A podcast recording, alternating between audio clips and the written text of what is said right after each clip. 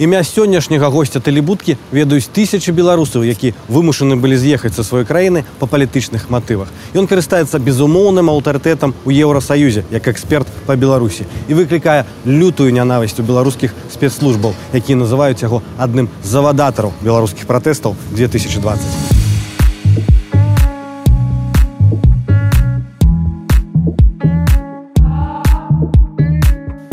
Віце скажыце ёсць э, дакладная лічба ў цябе людзей якія убачылі твоё імя і прозвішча якасці запрашаючай асобы для атрымання літоўскай візы Не, ну, бывает, да, но все равно визу выдает э, литовское правительство, да, мы только по правозащитной линии, э, если знаем, что человек э, в зоне риска преследуется по политическим мотивам каким-то, тогда, да. В Литве сейчас, э, я думаю, что больше, чем 10 тысяч э, человек, которые в течение последнего года приехали. Это и те, которые с IT-компаниями, там, IPAM, Wargaming, и те, которые э, из представителей гражданского общества, и те, которые попались на репрессии, подвергались пыткам, преследованию. Так что, да, много человек, и это ощутимо. То есть в Вильнюсе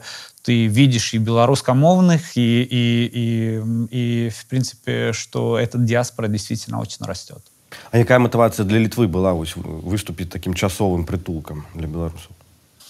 Ну, я думаю, что это часть истории, в принципе, другое, что мы рядом, мы соседи, эм, кто как смотрит, но, в принципе, эти человеческие отношения, я думаю, что они намного в лучшем э, качестве чем государственные отношения, межгосударственные отношения. Но да, надо сказать, что политическая воля помогать белорусам, э, гражданам Беларуси была, и вот Литва была одна из самых первых, которая откликнулась, открыла вот этот гуманитарный коридор.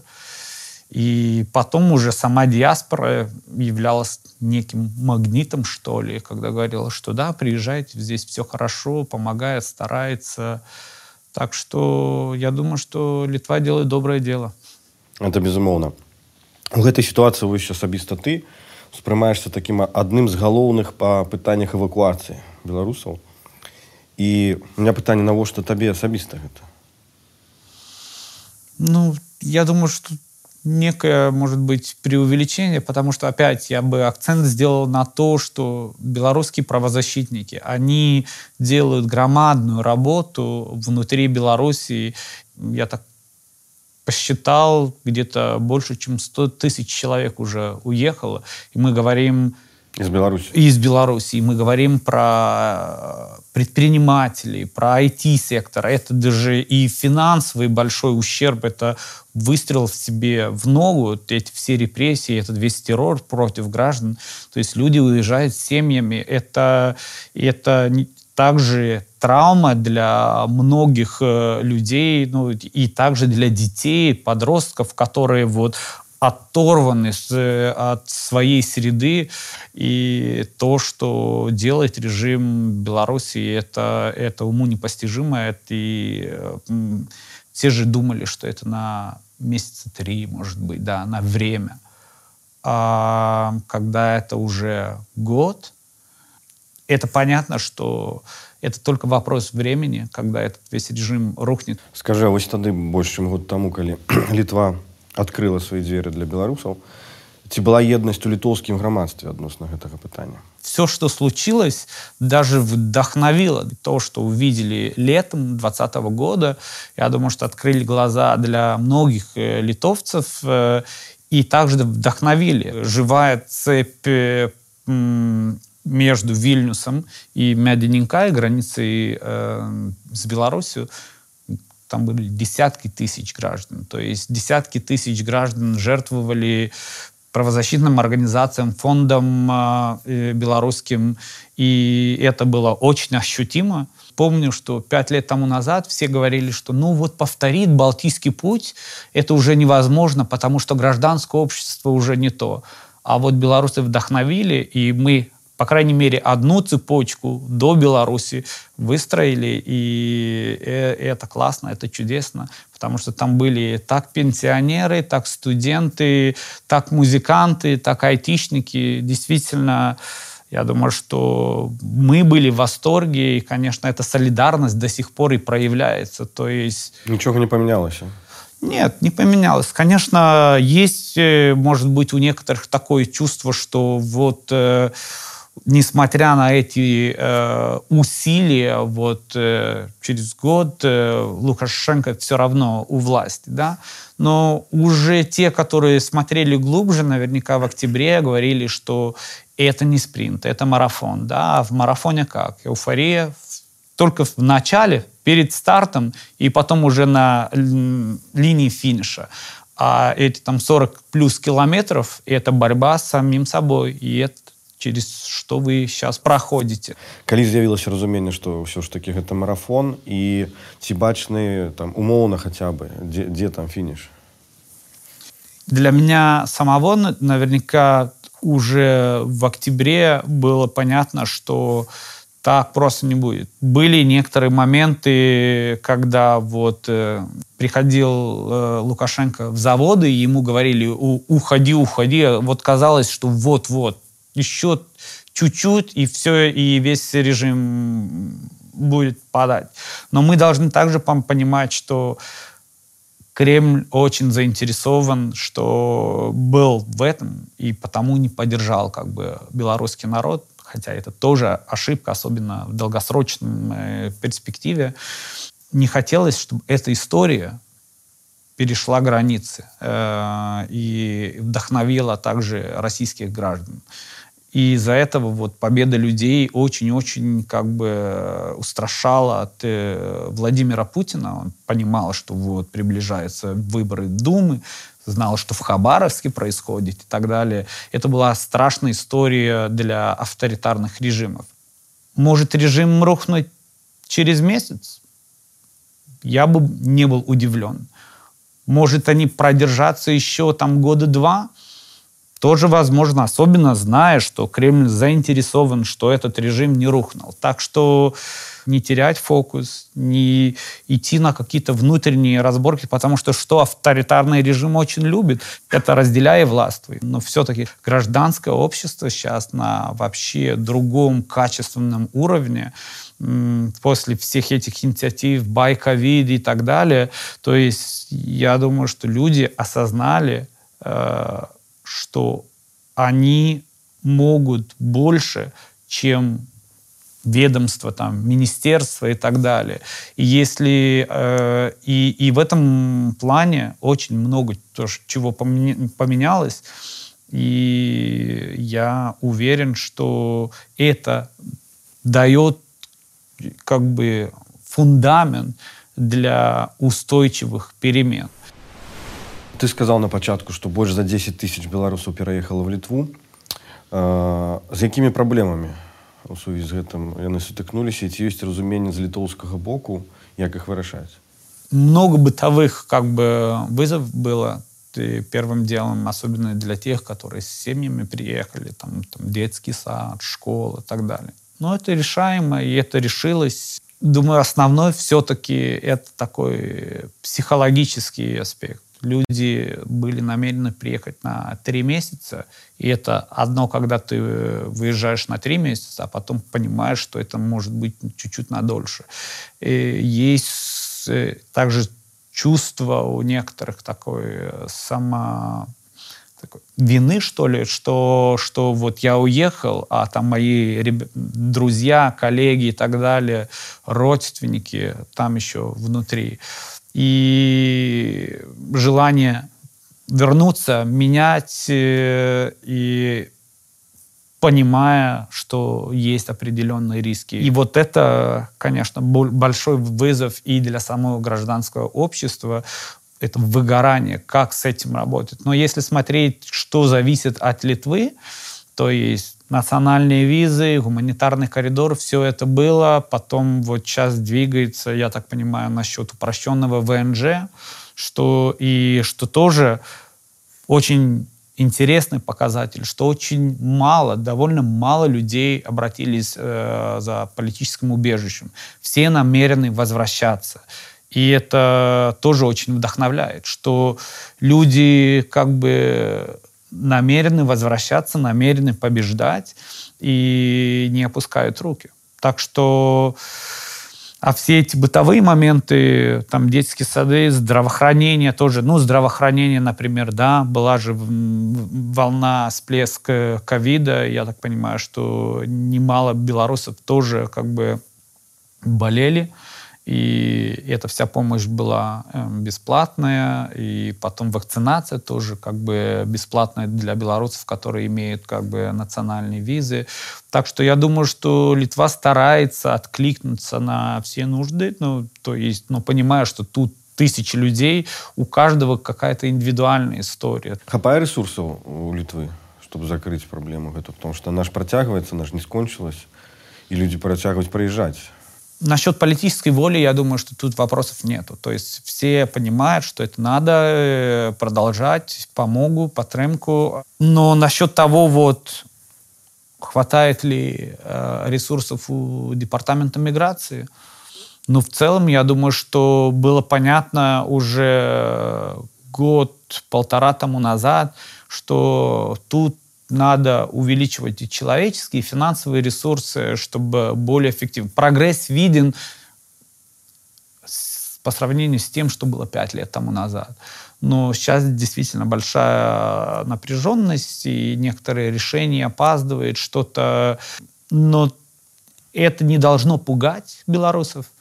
Несмотря на то, что мы чувствуем давление режима, не то, что раньше этого не было. Он же на шантаж всегда э, Лукашенко старался э, как бы пугать литовцев, что вот мы обернем весь транзит, там будет через, идти через Латвию или через Россию. Ну, кое-что сделал. Это не новость. И мы также понимаем, что если тут вот чуть-чуть где-то э, сделаешь шаг назад, это подбадривает авторитаров, потому что потому надо держать линию.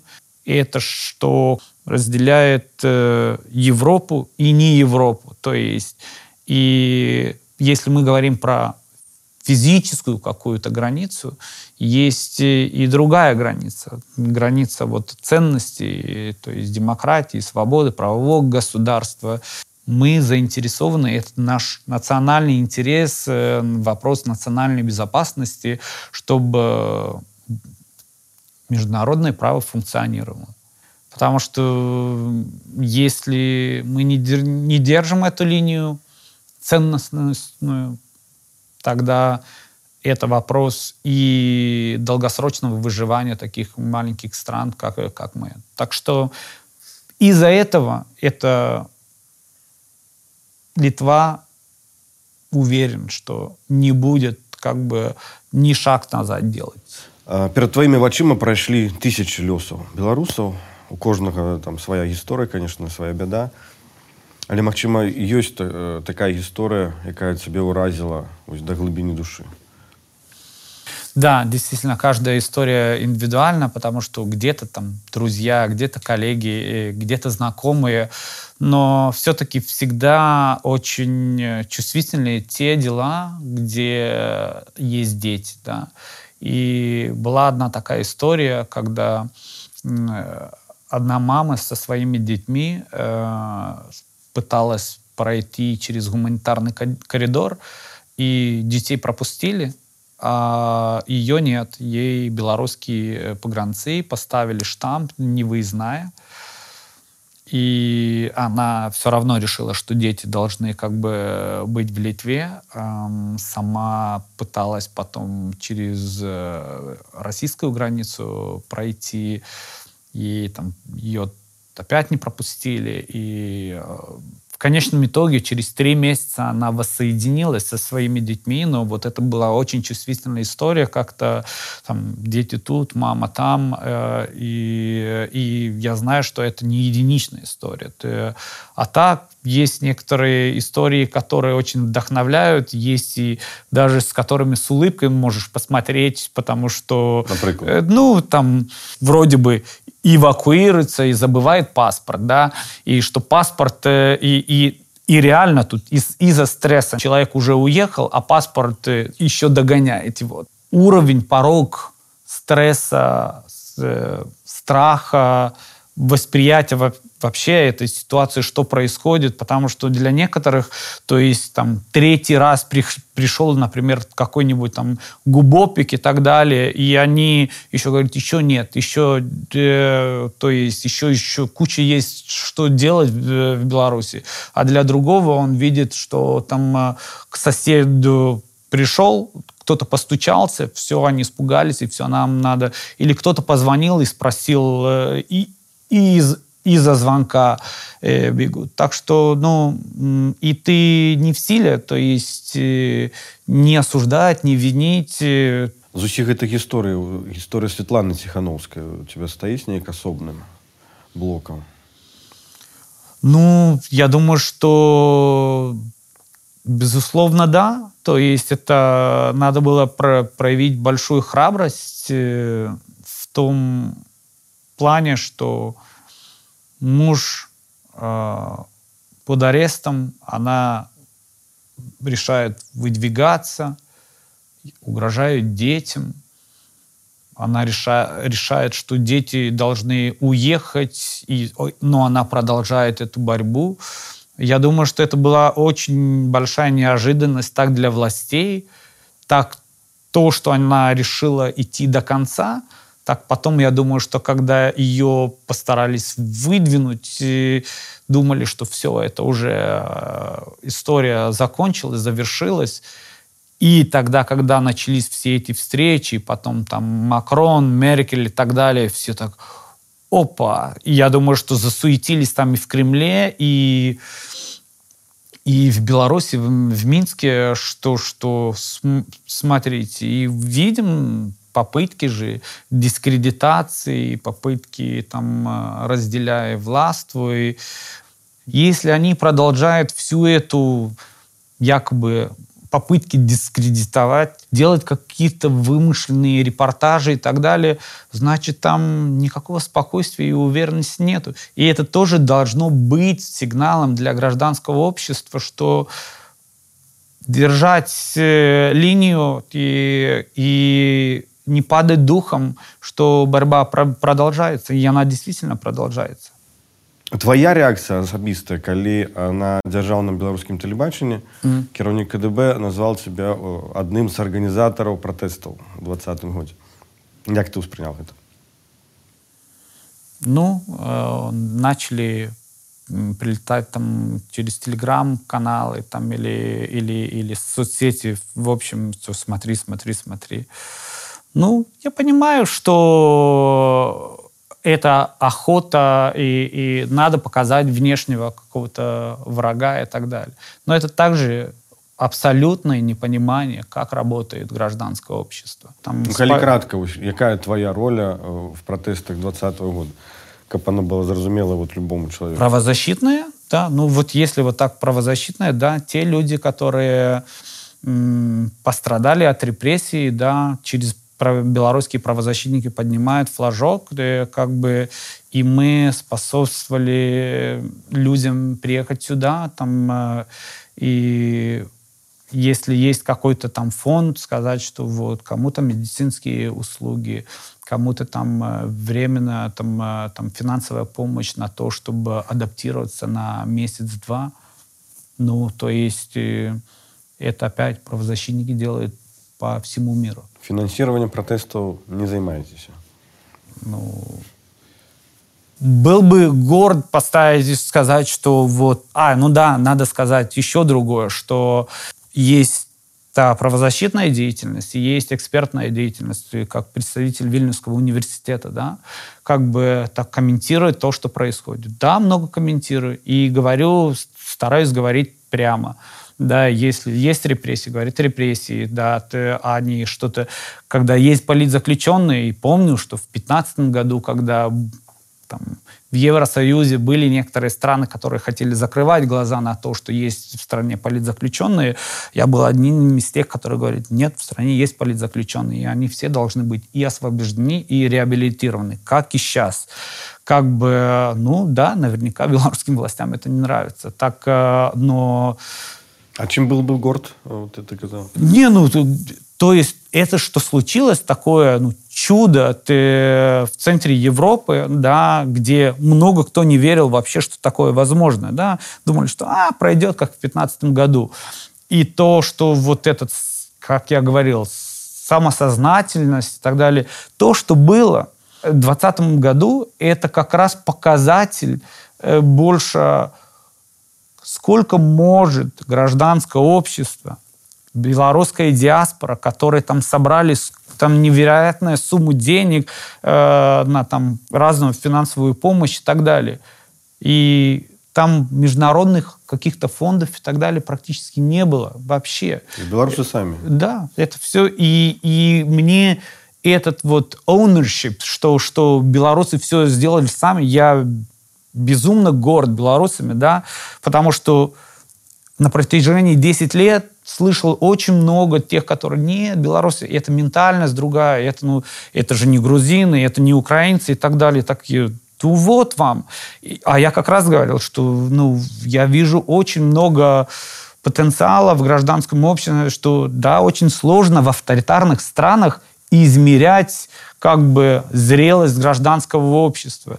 Потому что там, ну что, э, гражданское общество зарегистрировать организации нельзя, финансирование получать нельзя, ну то есть внутри Беларуси, да, и в такой обстановке, в такой экосистеме создать такое чудо, что случилось в 2020 году летом, это невероятная история. Я думаю, что это будет в книгах, Э, то есть так и по линии ненасильственного сопротивления, потому что это, ну, как минимум это было супер красиво. И потому это вдохновило, потому э, гражданство, гражданское общество Беларуси, и Светлана Тихановская, и Женский трио и так далее, они получают кучу-кучу международных наград, потому что это стоит того. И да, если смотреть ретроспективно, я думаю, что есть чем гордиться.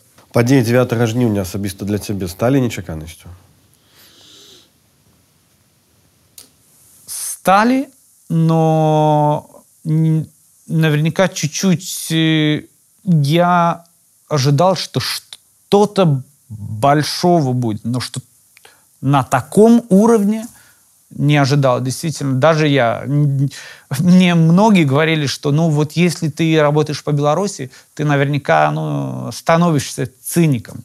Я говорю, нет, как раз наоборот. Ты должен быть очень большим оптимистом, если там э, работаешь там 10 лет, э, по, и, а то и больше по вопросам Беларуси.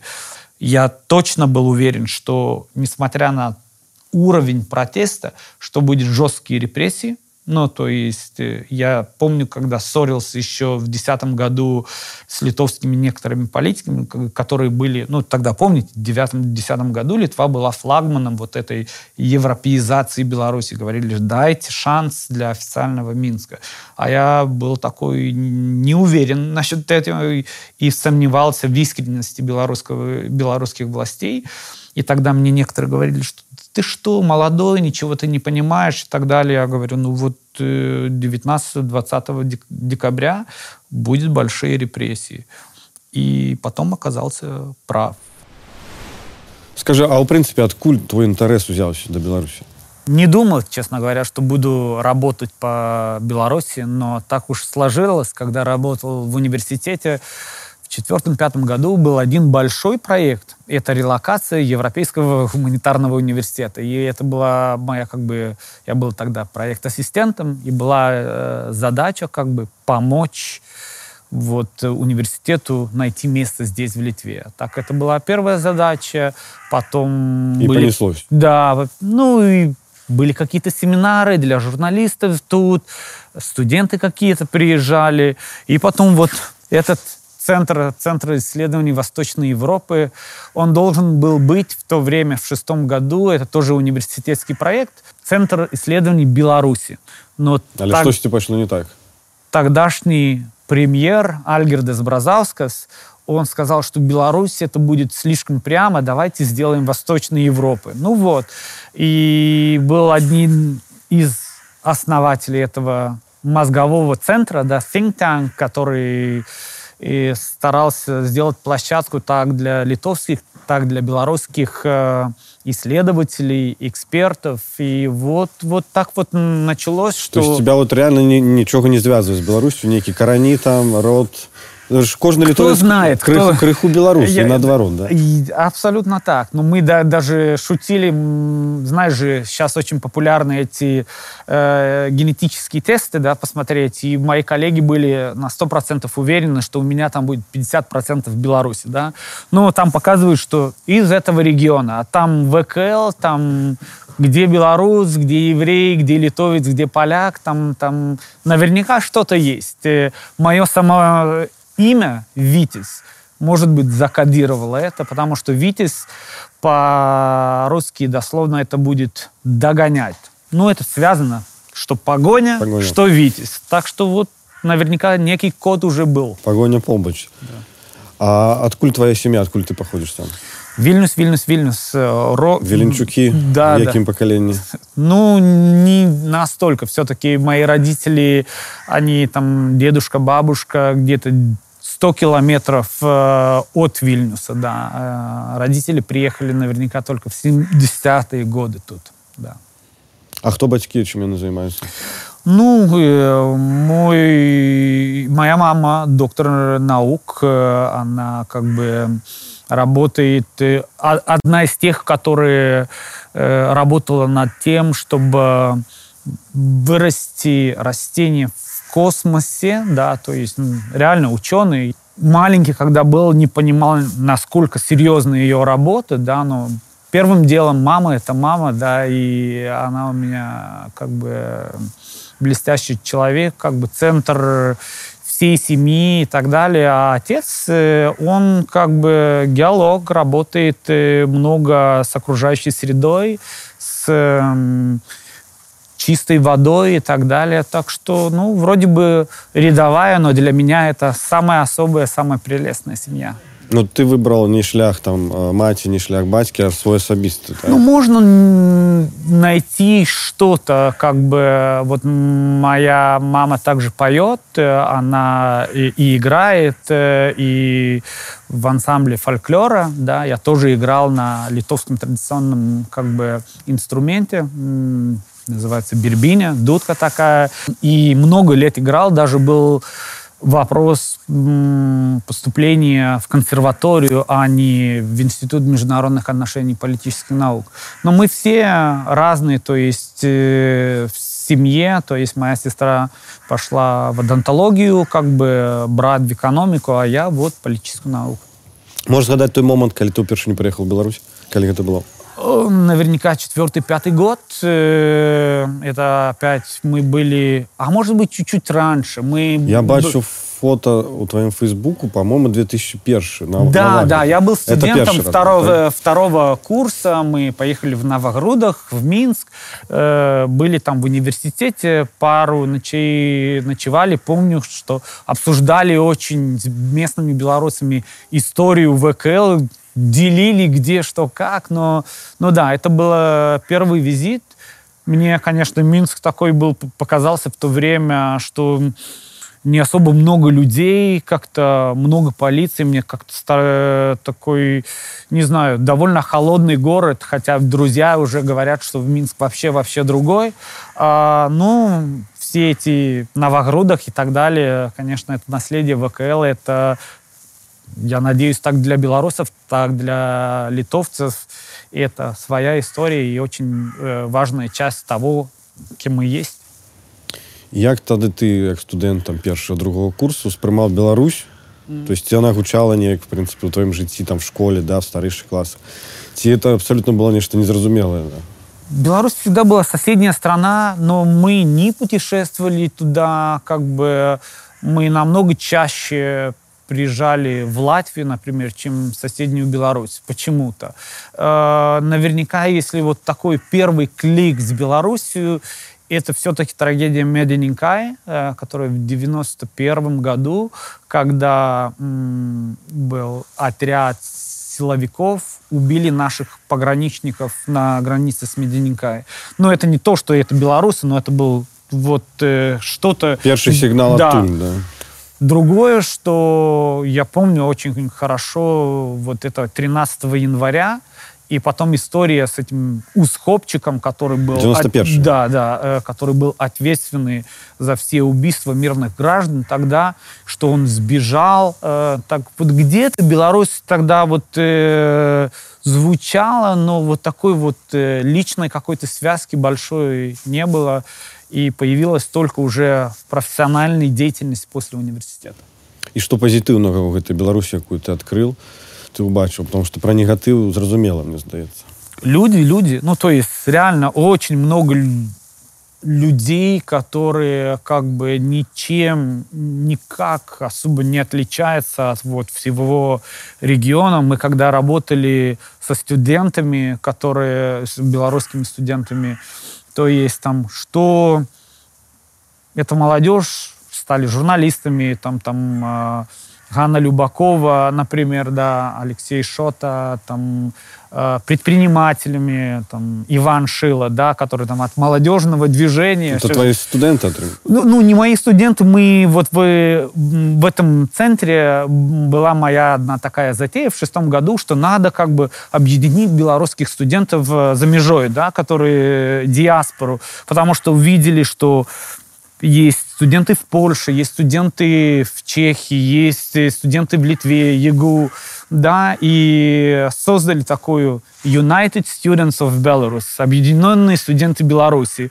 И там была сетка, не знаю, где-то порядка 200 э, человек, которые даже из Австралии был студент, из США, из Швейцарии. И до сих пор мы какие-то связи поддерживаем. И я очень рад видеть э, этих людей, что в экспертном сообществе, там, не знаю, там, Регора Стопеня, например, да. Я и тогда понимал, что будущее Беларуси светлое, да. Вот когда вот будет этот переломный момент, это вот был вопрос времени. Я думаю, что мы в этом этапе переломного, да, в начале наверняка еще будет очень много сложного, но то есть, что у Беларуси потенциально огромнейший, ну, то есть мировые компании IT это показывает, то есть и мы видели и деятелей культуры, и спортсменов и так далее, то есть это показывает, что нету для белорусов ничего невозможного, так что я очень-очень большой оптимист в этом плане.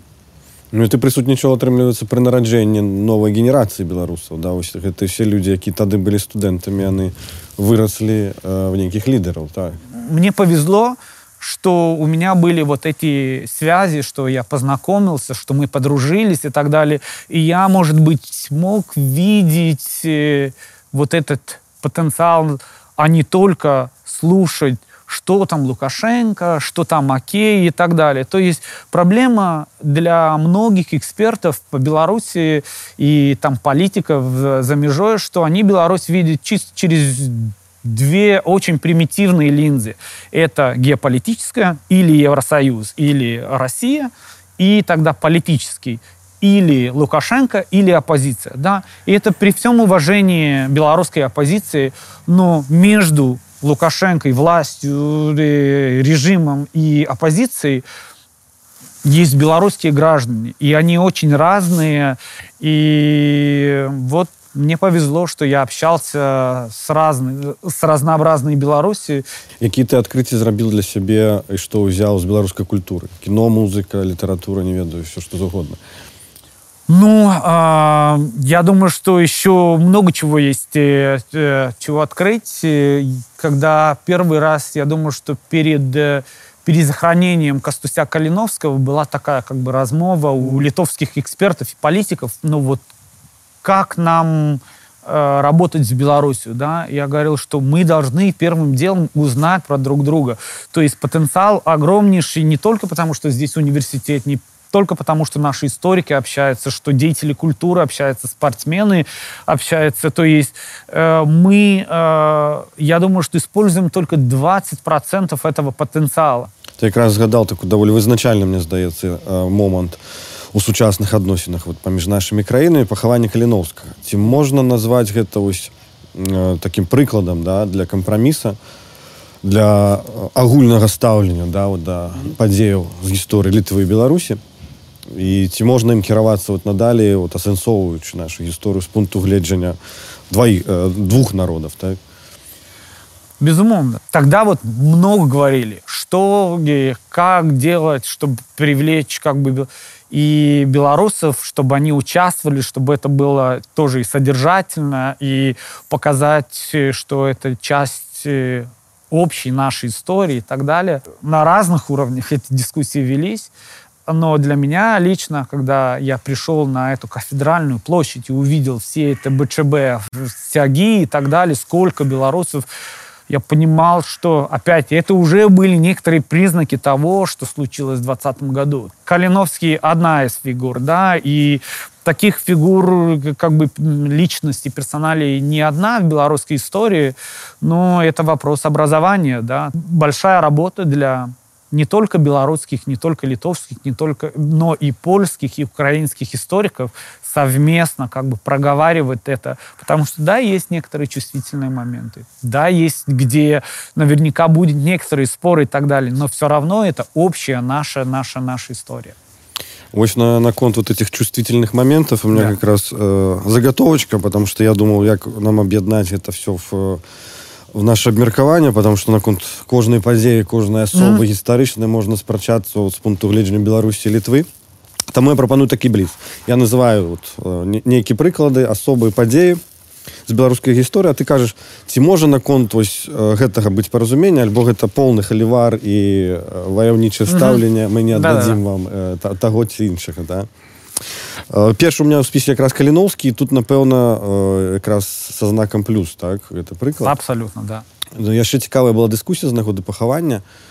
Калі памятаеш частка беларускіх інтэлектуалаў э, звярнулася в літойск в літоўскі сейм з просьбай аддаць каліноўскага і пахаваць яго ў мінску так частка да. все ж таки стаяла на тым что трэба ў вільны это город дзе скончылася жыццё і сімвалічна в прынцыпе все вот якую ты пазіцыю займаў ну, был вопрос, э, что, может быть, э, перехранить здесь, но там э, как, какую-то часть переправить Компромисс. в Беларусь. Да.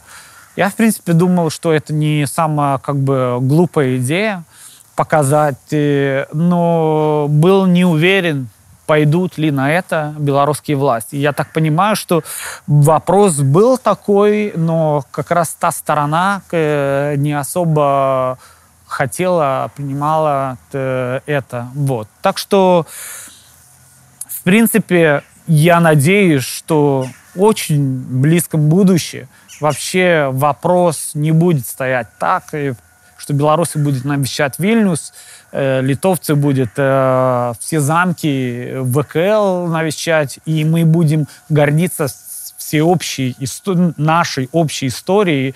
Э, потому что, да, ну, ты прав, есть некоторые политики, которые говорят, что ой, ой, белорусы хотят монополизировать э, нашу историю. Ну, я говорю, исходите из этого, что чем больше ВКЛ в Беларуси, тем меньше Кремля. Так, так вот это тоже очень важно, важно осознавать. И действительно, это наша общая история. То есть э, я преподаю национализм и этничество в университете. До э, 19 века разделить, где было белорусское, где литовское, где польское, там ну, довольно сложно, давайте так сказать, что да, мы там гордимся, что тысячи лет тому назад, 2009 году название Литвы первый раз прозвучало. Но говорить про нацию Литвы в XI веке, ну, сложновато, да, ты как бы...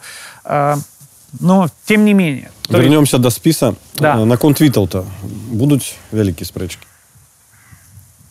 ВКЛ наше, общее. Радзівілы Опять, смотря на кого, но это же как бы э, опять ВКЛ. лёгка паразумецца будзеце складана давай вот э, хотя бы подумаем Я давай так скажу. Мне кажется иногда, что белорусам э, некоторые персонали, как Радивиллы, иногда ка- кажется, что ближе, потому что, может быть, этого как бы не хапает, и они хотят, ну, а у Литвы вроде бы, ну, все порядке с исторической памяти, и такой супер потребности нету. Иногда меня смущает, что мои студенты некоторых вот этих персоналей не знают. То есть мы битву Орши вспомнили только последний, не знаю, вот битва под Орши так само Да, ну там 5 лет тому назад, 10 лет тому назад никто особо про это не говорили, или это было очень узко какой-то э, вопрос историков. Так что это есть над чем работать. Я помню, когда, памятую, когда вышел ролик Будзьмы, да, и так, ну, белорусы, какие крутые, вот нам такой вот ролик, да, и че- там, не знаю, сколько лет тому назад вышел у нас такой подобный ролик Банкухинас, да, про историю Литвы. Denisų kilėliai buvo ištremti,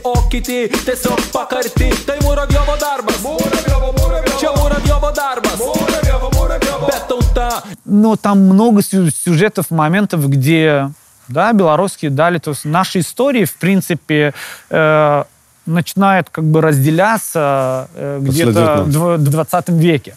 Вот, так что, а до этого много персоналей, которые будут те же самые. Я давай еще один пример, очень важный скажу в плане иногда, насколько абсурдно звучит вопрос «наш» или «ваш». Мгм. Знаешь про братьев Нарутович? Ну, наверное. Да, ну вот братья Нарутович – это первый президент Польши. А другой брат – сигнатар Литовского акта независимости в 18 году. То есть, понимаешь, то есть один брат подписывает незави- акт независимости Литвы, а другой становится первым президентом, к сожалению, был убит, но, но, но все равно. И это очень хорошая иллюстрация нашего всего региона, как это все перемешано, где Адам Мицкевич может писать и, и, и то, что он чу- чувствует себя литовцем, да, но он там пишет на польском, так значит, это поляк, но он имел в виду, что он белорус. Ну, то есть это такое вот все перемешано, и мне иногда улыбку вызывает эти споры, чей-чей, наш, общий, наш, да, и, и, и тогда в этом никакого большого спора нету. Я говорил не раз с историками, я думаю, что 95% можно договориться запросто. А эти 5% будет в каких-то узких исторических кругах, там детали выяснять, что, где, когда. І наконт нават статута ВКЛ можна домовитися. Ну вот, давайте насчет статутов и насчет первой конституции э, в Европе. То есть, когда я слышу там такой кремлевский нарратив, но в Минске нарратив это тоже чувствуется, что нам навязывают демократию или там правовое государство. Какое навязывают? Это в нашем регионе первая конституция первые плоды того, что должно быть правовое государство и так далее. Это наше, это нам не навязывают, мы просто, может быть, некоторые забыли это. Так вот. Но да, это была совместная тоже история ВКЛ. На какой мове это было написано, да, я знаю, да. На якой?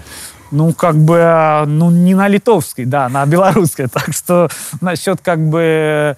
И это тоже, я думаю, что должно поднимать такое чувство гордости, да, гонора, э, и что где в тот мо- момент как бы э, была там Россия и так далее. То есть мы были в первых рядах того вот европейского развития. Да, это было разрушено всем разделением э, царской империи, уничтожением пот- потом интеллектуальной среды и так далее. Но нам надо вспоминать, выучить уроки прошлого. Так что, опять, я большой оптимист, что если что потенциал у белорусов, ну, как и у литовцев, огромнейший, да. Скажи, ты у- ўжо больш за 15 год займаешься Беларусью mm. так шчыльна ці няма э, калі шчыра вось так падумаць і сказаць стомленасць ад беларускай тэматыкі выматанасці Нет, нет э, все-таки встречаешься с разными людьми. Э, и про эту разнообразность я говорил, да.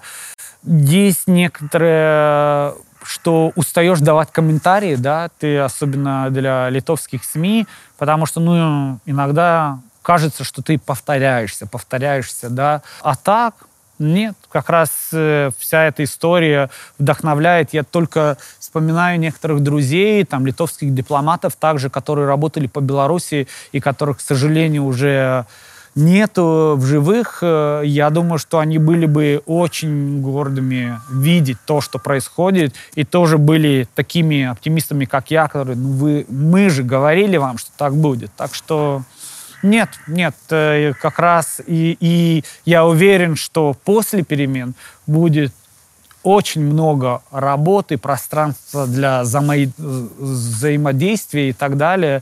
Так что нет, белорусская тема быстро не уйдет, я уверен.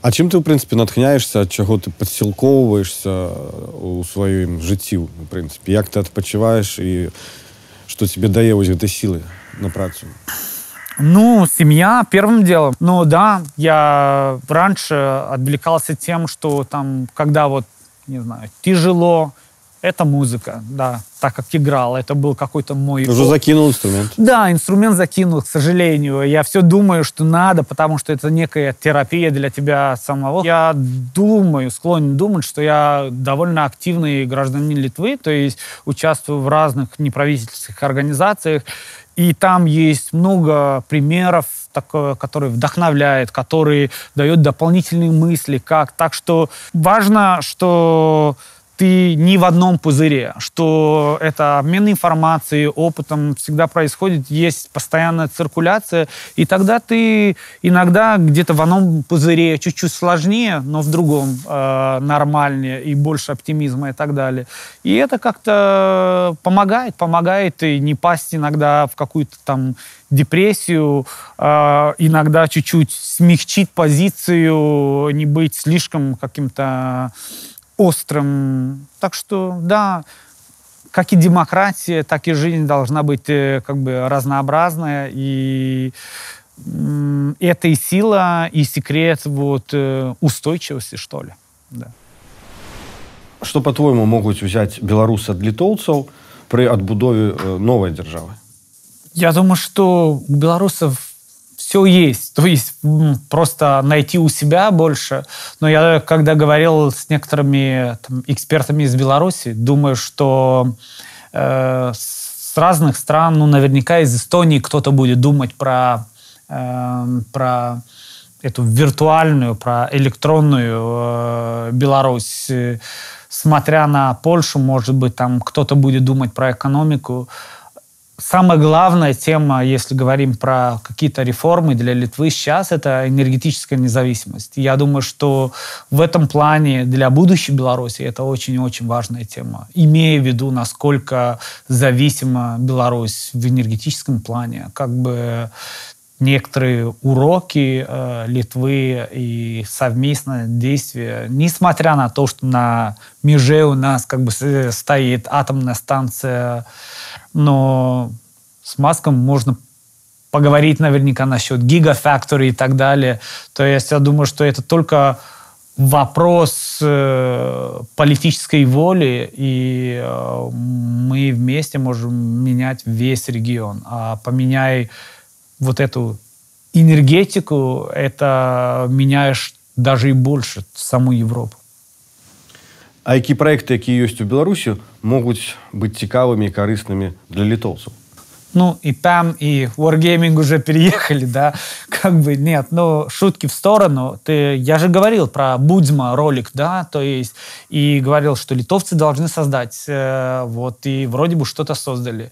Но я думаю, что вопрос не что мы можем взять, а что мы можем вместе створить. Да? Когда я вот буквально пару дней тому назад запустился поезд скоростной э, Вильнюс, э, Рига, Таллин, я надеюсь, что в течение пять лет у нас будет скоростной поезд Минск-Вильнюс, где будет за час ты можешь как бы приехать то тут, то тут, сделать IT-долину, ВКЛ IT-долину, да, то есть, потому что, ну, белорусы сногсшибательные в IT-сфере, да, я знаю, мои друзья и в США, и в Германии, и в Великобритании белорусы, да, там айтишники, то есть и у нас вроде бы финтех неплохо развивается, так что мы здесь, в этом регионе, можем замутить столько всего, и в плане туризма, и так далее, только, и я говорю, огромнейший потенциал, э, может быть, этот 20 год нас чуть-чуть больше сблизил, дал такой толчок из-за всей трагедии, которая случилась как бы по поводу репрессий, но будет больше доверия, будет больше потенциала для совместной деятельности. И я надеюсь, что вот в будущей Беларуси эти двухсторонние отношения с Литвой, а, они вообще вырастут на вообще другое качество. Как э, англичанин говорит, sky is the limit, да, так что вообще без границ у нас э, этот безграничный потенциал. И, а уж не говорю про культуру, музыку. Помните, делали мы фестиваль Be Together, где музыка разрушает стены. Да, так что... Я некоммерцийно он оправдался.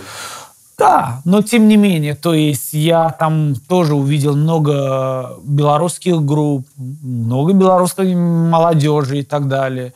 То есть э, представьте, что вот этой межи уже не будет, сколько всего можно будет сделать совместного и в плане музыки, культуры, экономического сотрудничества. То есть это и, а если еще расширить это по региону и видеть и украинцев, и Польшу в этом, так это вообще может быть очень инновативный, очень своеобразный э, регион во всей Европе.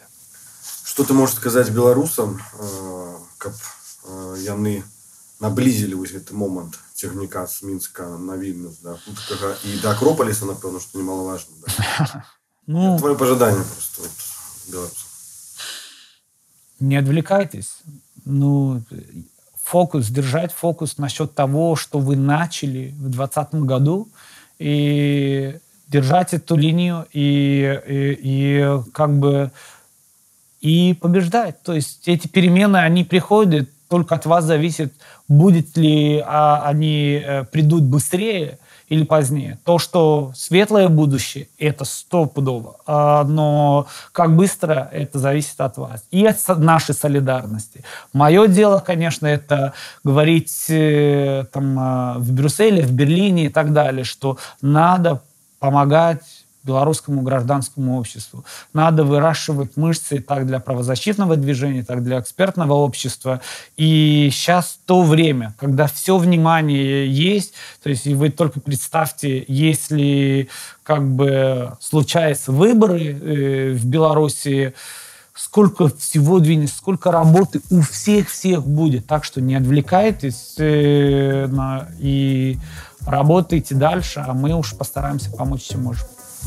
Дзякую вялікі за змястоўную размову было вельмі шмат цікава Дзякую вам